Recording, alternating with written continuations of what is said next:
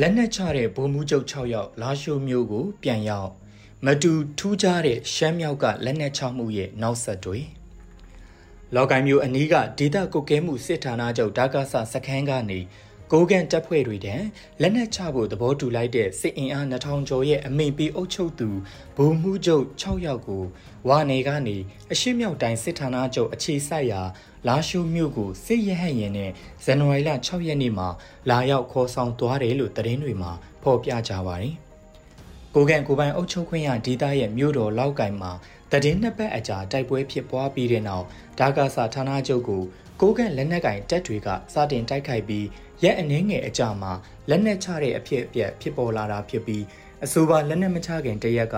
တရုတ်နိုင်ငံယူနန်ပြည်နယ်တဲကနေဆက်မြို့ဖြစ်တဲ့နန်ဆန်းမြို့တွေကရက်ွက်တစ်ခုမှာမြန်မာနိုင်ငံဘက်ကလက်နက်ကြီးကြီးကြားရောက်ပြီးတရုတ်နိုင်ငံသား9ဦးဒဏ်ရာရခဲ့တဲ့အဖြစ်အပျက်ဖြစ်ပွားခဲ့တာဖြစ်ပါတယ်။ဒီဖြစ်ရက်ကစစ်ကောင်စီအနေနဲ့ရောကိုကန့်လက်နက်ကန်အဖွဲ့တွေအနေနဲ့ပါ တရုတ်နယ်စပ်မှာဆက်လက်တိုက်ခိုက်နေမှုကိုရက်ဆိုင်ဖို့တရုတ်နိုင်ငံရဲ့ဖိအားကအဓိကအချက်ဖြစ်ခဲ့တာလို့တချို့ကကောက်ချက်ချကြပါတယ်။စစ်ကောင်စီရဲ့ပြောရေးဆိုခွင့်ရှိသူက ပြည်တွင်းသတင်းမီဒီယာတစ်ခုကိုပြောဆိုရမှာတော့စစ်ကောင်စီအနေနဲ့တရုတ်မြန်မာချစ်ကြည်ရေးကိုထည့်သွင်းစဉ်းစားကဆုံးဖြတ်ခဲ့ခြင်းဖြစ်တယ်လို့ပြောဆိုထားတယ်လို့ဒါကာဆာဌာနချုပ်မှာမိသားစုဝင်တွေလည်းရှိတာကြောင့်အကောင်းဆုံးအခြေအနေကိုတက်မှုတွေနဲ့တိုင်ပင်ကစဉ်းစားဆုံးဖြတ်ခဲ့တာဖြစ်တယ်လို့ပြောဆိုထားတာတွေ့ရပါတယ်။ အလားတူမိသားစုဝင်တွေပါနေထိုင်နေကြတဲ့တပ်ရင်းစခန်းတွေတိုက်ခိုက်ခံရတဲ့အဖြစ်အပျက်တွေမှာမိသားစုဝင်တွေနဲ့ပတ်သက်လို့ထဲသွင်းစဉ်းစားတာမျိုးတာရကမရှိခဲ့ပေမဲ့အခုအဖြစ်အပျက်မှာမိသားစုဝင်တွေရဲ့လုံခြုံရေးကိုထဲသွင်းစဉ်းစားတာကြောင့်လို့အကြောင်းပြချက်တစ်ခုအနေနဲ့ပြောဆိုတာဟာယုတ်တိရှိရဲ့လားလို့မေးခွန်းထုတ်เสียရတော့ဖြစ်နေပါတယ်။ယခုလောက်ကင်ဒါကဆာဌာနချုပ်ကလက်နက်ချတဲ့ဖြစ်စဉ်က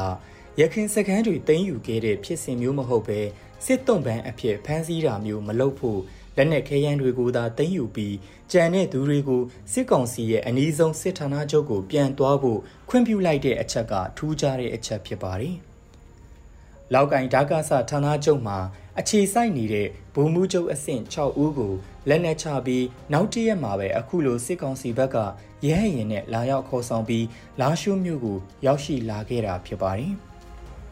ဒီလိုညှိနှိုင်းမှုကရခင်လက်နက်ချတဲ့အဖြစ်အပျက်တွေမှာမရှိခဲ့ဘူးတဲ့ညှိနှိုင်းမှုဖြစ်ပြီးစစ်သားအင်အား2400နီးပါးနဲ့မိသားစုဝင်1600ကျော်စုစုပေါင်း4000နီးပါးကိုကိုကန်ဒေသကနေထွက်ခွာခွင့်ပြုဖို့တွာလာရေးစီစဉ်ပေးဖို့ကိုကန်လက်နက်ကင်အဖွဲ့ကသဘောတူခဲ့တာလည်းဖြစ်ပါတယ်။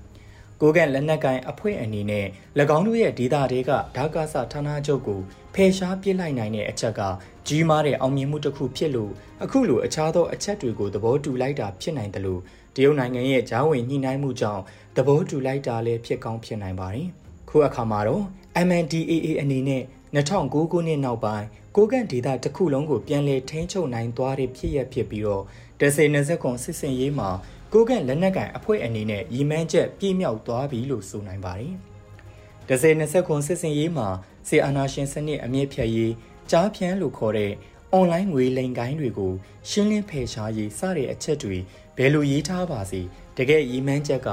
2009ခုနှစ်ကတည်းကလက်လွတ်လိုက်ရတဲ့ကိုကန်ကိုပိုင်အုပ်ချုပ်ခွင့်ရဒေတာတွေကမြို့တွေစခန်းတွေကိုပြန်လည်ရရှိရေးတာဖြစ်တယ်လို့ဆိုရင်မမှားပါဘူး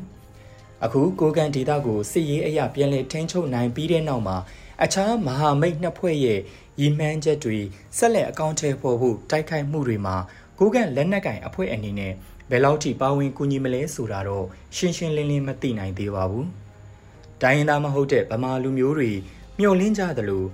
မြောက်ပိုင်းလက်နက်ကင်သုံးဘွဲကစစ်အာဏာရှင်စနစ်အပီးတိုင်ဖယ်ရှားရေးအတွက်စစ်ကောင်စီရဲ့အခြားသောစစ်စခန်းတွေမြို့တွေကိုဆက်လက်သိမ်းယူဖို့တိုက်ခိုက်ဖို့ရှိသလားဆိုတဲ့မေးခွန်းကိုဖြေကြည့်ရင်တော့အဲ့ဓာတွေအတွက်တာဝန်မရှိဘူးလို့ဆိုရမှာဖြစ်ပါတယ်။၎င်းတို့ရဲ့နေမြေတွေမှာစစ်ကောင်စီတပ်တွေကိုတိုက်ထုတ်ဖို့မြို့တွေသိမ်းယူဖို့ရည်မှန်းချက်ထားပေမဲ့ နေပြည်တော်လိုရန်ကုန်လိုမျိုးမြို့တွေအထိမြောက်ပိုင်းသုံးဘွဲ့အနေနဲ့တိုက်ခိုက်သိမ်းယူဖို့ရည်မှန်းထားခြင်းမရှိသလိုစီလျော်မှုလည်းမရှိဘူးလို့နားလည်ထားကြမှာဖြစ်ပါတယ်။သို့ပေမဲ့အခုလိုရှမ်းမြောက်ဧရိယာမှာစစ်ကောင်စီတပ်တွေကိုအောင်နိုင်လိုက်ခြင်းဟာကျန်တဲ့ဒေသတွေကစစ်ကောင်စီတပ်တွေကိုစိတ်တက်ရေးအရာကြီးကြီးမားမားထိခိုက်စေတာဖြစ်ပြီးတော့ကျန်တဲ့ဒေသတွေမှာအခြားသောတိုင်းရင်းသားလက်နက်ကိုင်တပ်တွေနဲ့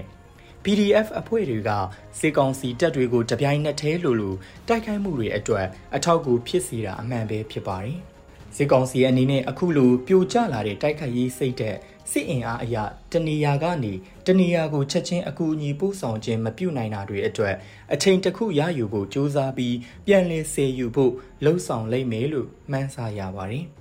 ဒီလိုအခွင့်အရေးရဖို့အတွက်လည်းတရုတ်နိုင်ငံရဲ့အကူအညီကိုယူပြီး မြောက်ပိုင်းသုံးပွဲနဲ့အပြစ်ရက်ဖို့စူးစမ်းနေတာဖြစ်ပါတယ်။အကြက်အတဲကယာယီထွက်ပေါက်ရပြီးပြန်လည်အားယူကလက်ရှိအနေထားတဲ့ဆိုးရွားစွာကြာဆင်းမသွားဘူးကြားကန်တဲ့လှုပ်ဆောင်မှုတွေလုံမဲဆိုတာလွယ်ကူရှင်းလင်းတဲ့လူဘိန်းစဉ်းစားမှုမျိုးနဲ့တောင်သိရှိနိုင်တာဖြစ်ပါတယ်။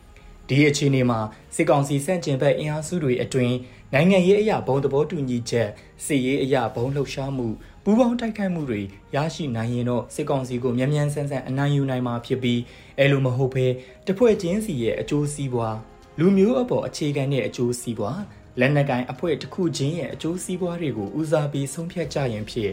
လက်နက်ကိုင်တိုက်ပွဲတွေကရှေ့ကြနေအောင်မဲ့အလားအလာရှိနေတယ်လို့ထင်မြင်မိပါတယ်ခင်ဗျာ။